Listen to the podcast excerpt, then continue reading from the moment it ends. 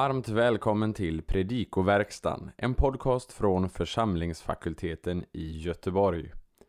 Daniel Johansson går igenom kommande helgdags evangelietext till hjälp för dig som förbereder en predikan inför denna helgdag eller för dig som är allmänt intresserad av att veta mer om evangelietexten. På vår hemsida www.ffg.se kan du hitta information om hur du kan stödja fakultetens arbete för akademi och församling, bland annat som genom den här podcasten. Men nu en genomgång av helgdagens evangelietext. Vi önskar dig god lyssning. Andra årgångens evangelium för nyårsdagen finner vi i Lukas 13.69. Vi inleder med att kommentera några saker i den grekiska grundtexten. I vers 6, participet tseton. Det kan antingen uttrycka syfte, han kom för att söka frukt, eller sätt, han kom sökande efter frukt. Tria ette i vers 7 är antingen nominativ eller akkusativ. Tar vi det som nominativ är det en del av utropet Se, tre år. Tar vi det som akkusativ syftar det på hur lång tid som gått i tre år. Afho är en relativ fras som med tiden stelnade och fick betydelsen från tiden när eller sedan. Verbet erchomai står i presens. När presens används tillsammans med något som uttrycker dåtid eller en utsträckt tid med implikationer för dåtid, som här tre år, signalerar detta en aktivitet som påbörjats i dåtid och fortsätter in i nutid. Verbet katargeo betyder att använda upp, slösa, göra ineffektiv eller göra kraftlös. Det är oklart om det här syftar på att det tar upp plats i vingården eller om det syftar på att det suger ut näringen för de andra träden. Kanske båda betydelserna finns här på samma gång. Hehos hoto i vers 8 har en fixerad betydelse. Den fortsatta tiden till en viss tidpunkt. Alltså tills. Vers 9 innehåller en rad varianter i handskrifterna. Det är ofta ett tecken på att syntaxen är oklar eller svårbegriplig. Så är fallet här. Kan men på jäse karpon eis to mellon. ej det med g ekopseis auten. Här kan vi till att börja med konstatera att kan men i den första satsen och ej de mege i den andra satsen uttrycker två möjliga utfall. Å ena sidan å andra sidan. Problemet är här att den första omsatsen saknar utfall. Om det bär frukt i det kommande, det vill säga i framtiden. Man förväntar sig ett så, så låt det stå.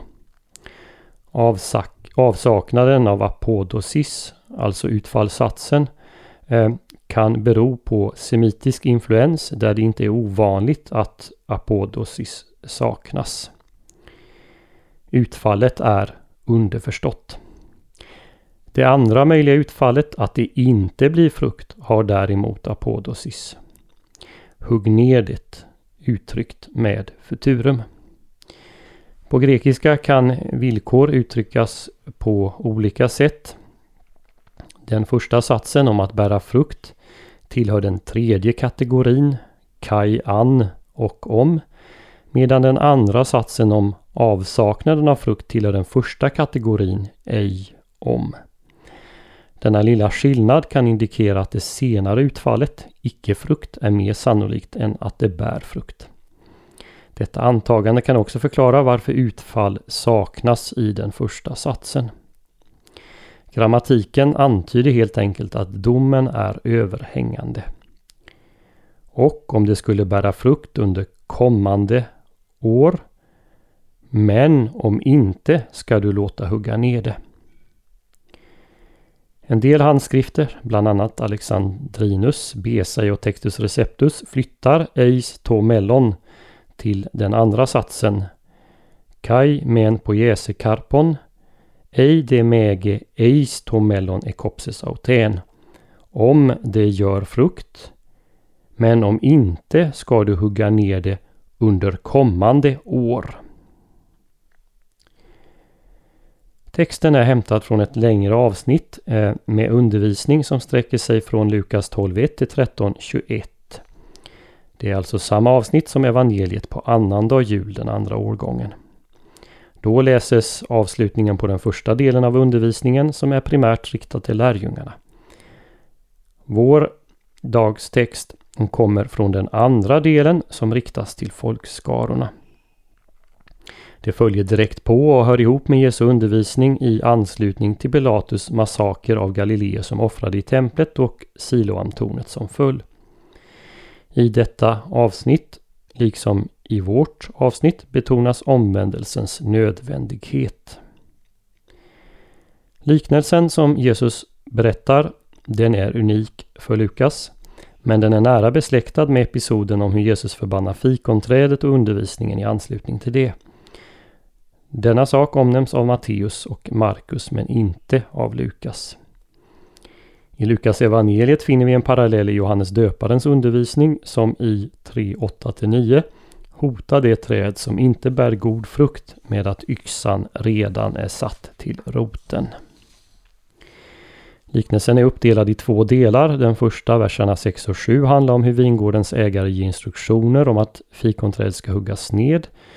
Eh, det andra, 8-9, om hur trädgårdsmästaren vädjar om ytterligare tid för trädet men samtidigt hotade med förstörelse om det inte bär frukt under det kommande året.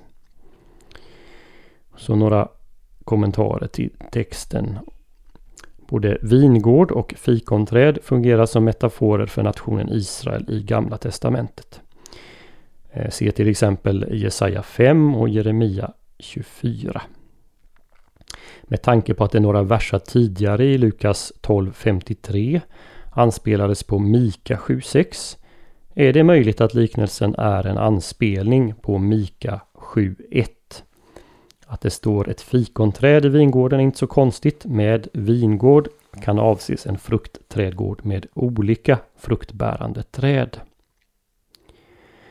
Huruvida de tre åren syftar på Jesu offentliga verksamhet är oklart. Klart är att trädet får tillräckligt med tid för att bära frukt. Sannolikt är trädet mer än, mer än tre år gammalt. För utifrån lagarna som vi finner i tredje Moseboks 19 kapitel, verserna 23-25, kan man dra slutsatsen att ett träd normalt fick tre år att växa till. Därefter tre år under vilken frukten var förbjuden att skörda. Frukten från det fjärde året, det vill säga när trädet var sju år, ansågs ren och skulle offras till Herren. Om det här är det riktiga scenariot har trädets ägare letat efter förstlingsfrukten under tre år och trädet har redan hunnit bli nio år.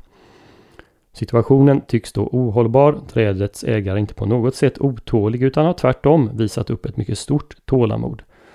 Trädet är inte bara ofruktsamt, det upptar plats och suger ur marken för andra träd.